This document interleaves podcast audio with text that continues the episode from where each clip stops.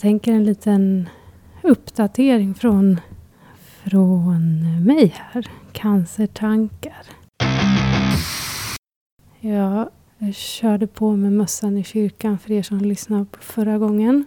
Det gick ju bra. Följdes av en fin helg med eh, julfirande som flöt på i perfekt format på alla sätt. Sen följdes några dagar här av, ja, jag skulle säga att det var i sorgens tecken nästan. Det eh, var mycket existentiella tankar kring eh, varför vi lever och till vilken nytta jag finns på jorden egentligen.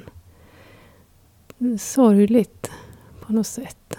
Fundera på de där sakerna och landa i någon slags tanke om att det är relationerna som bygger oss som varelser när vi inte längre är så beroende av eh, att eh, fysiskt, alltså eh, överlevnad.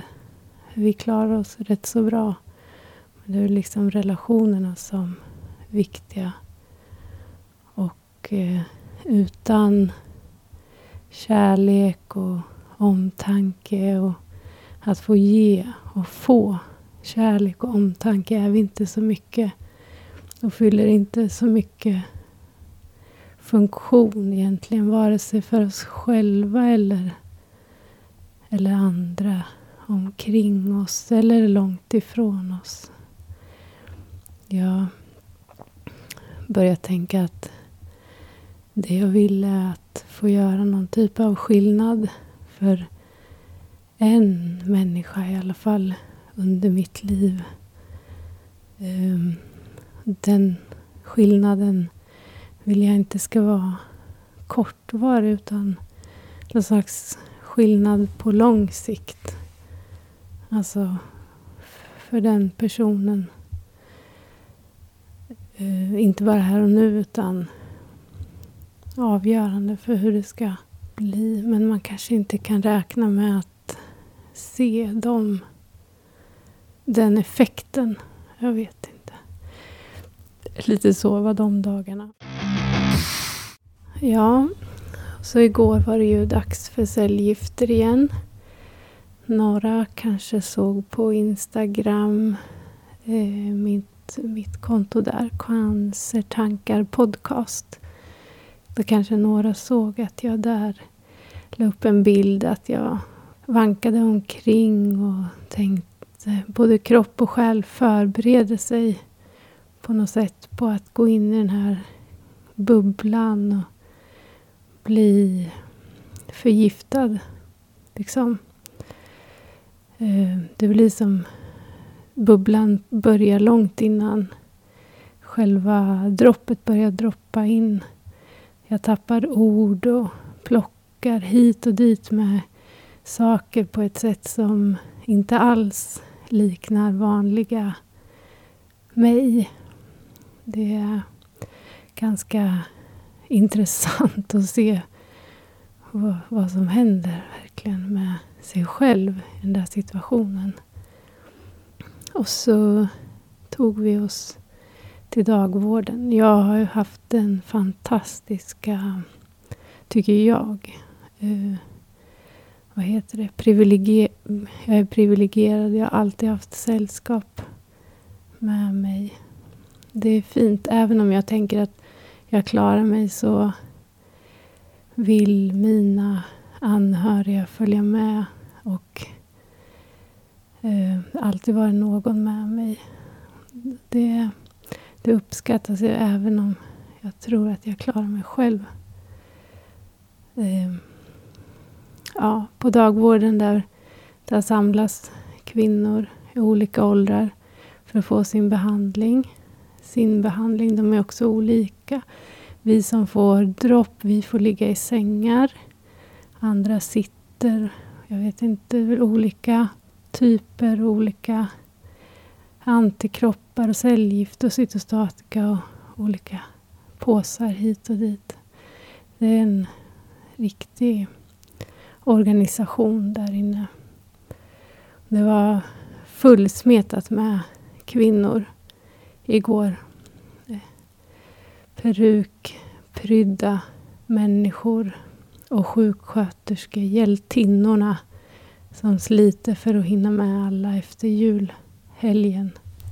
Och så jag som återigen måste kampa.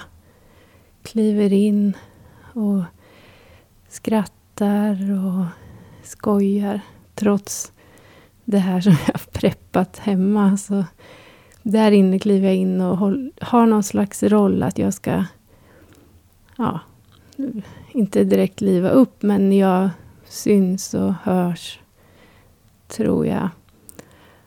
Och liksom tar av mig jackan och tar av mig mössan också, det första jag gör. Liksom går rak i ryggen där inne. Och jag får, det är en slags avståndstagande eller det förstår jag ju själv. Jag ska står också upp. Alla sitter och jag ska stå. Jag står och läser en tidning medan jag väntar på min plats i sängen. Liksom. Det är klart att det säger mycket om mig. Det där, men det är ju någonting i det som fortfarande är jag. Tror jag. Ja, sen ligger jag där. När timmarna har gått så tar vi bussen och äter lunch. Och då vill jag äta kött. Så jag äter ribs och pommes frites. Smakar finemang. Så när jag sitter där och äter så slår det mig eller jag har nog tänkt lite på tanken innan, men jag uttalar det högt där vid lunchbordet att jag eh, tänker inte må dåligt den här gången. Jag ska, jag ska fan inte in i den där dvalan och behöva hjälp för att gå tre meter från sängen till toaletten. Jag bestämmer mig. Jag måste kunna göra ett... Jag måste kunna ta kontroll även över det här tänker jag.